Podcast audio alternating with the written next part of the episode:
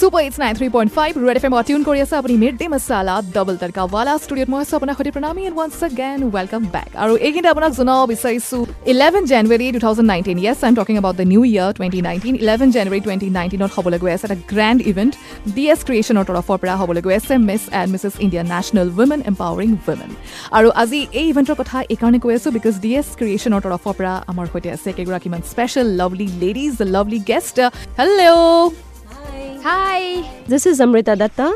I'm the brand face. I'm in the brand ambassador of Miss and Mrs. India National. I was Mrs. India runners up three years back, and I represented India and Mrs. Universe, which was held in South Africa, Durban last year.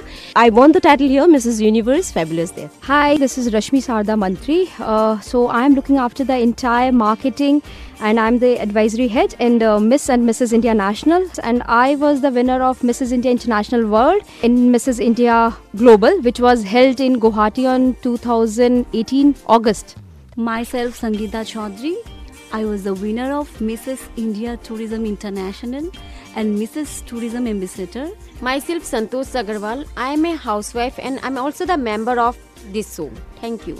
Hello everyone. More name is Seema Pathak. আৰু মই professional makeup artist হয় okay first of all welcome to mid day masala thank and uh, firstly, I would like to know uh, what made you think about this event and how different is your beauty pageant?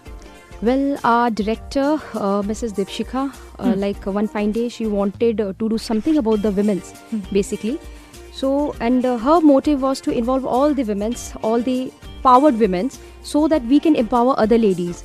With a concept of a beauty pageant that would be very different from other shows in terms of, you name it, opportunities to the winner, the kind of grooming we would be giving to the ladies, and uh, the kind of uh, personality development we will be giving to the ladies. So we have planned it in a very, very different and a unique manner. Well, definitely, uh, you know, would love to know something more about this grand event. But uh, right now, it's time for some super tracks. Stay tuned, 93.5 Red FM, bajate raho.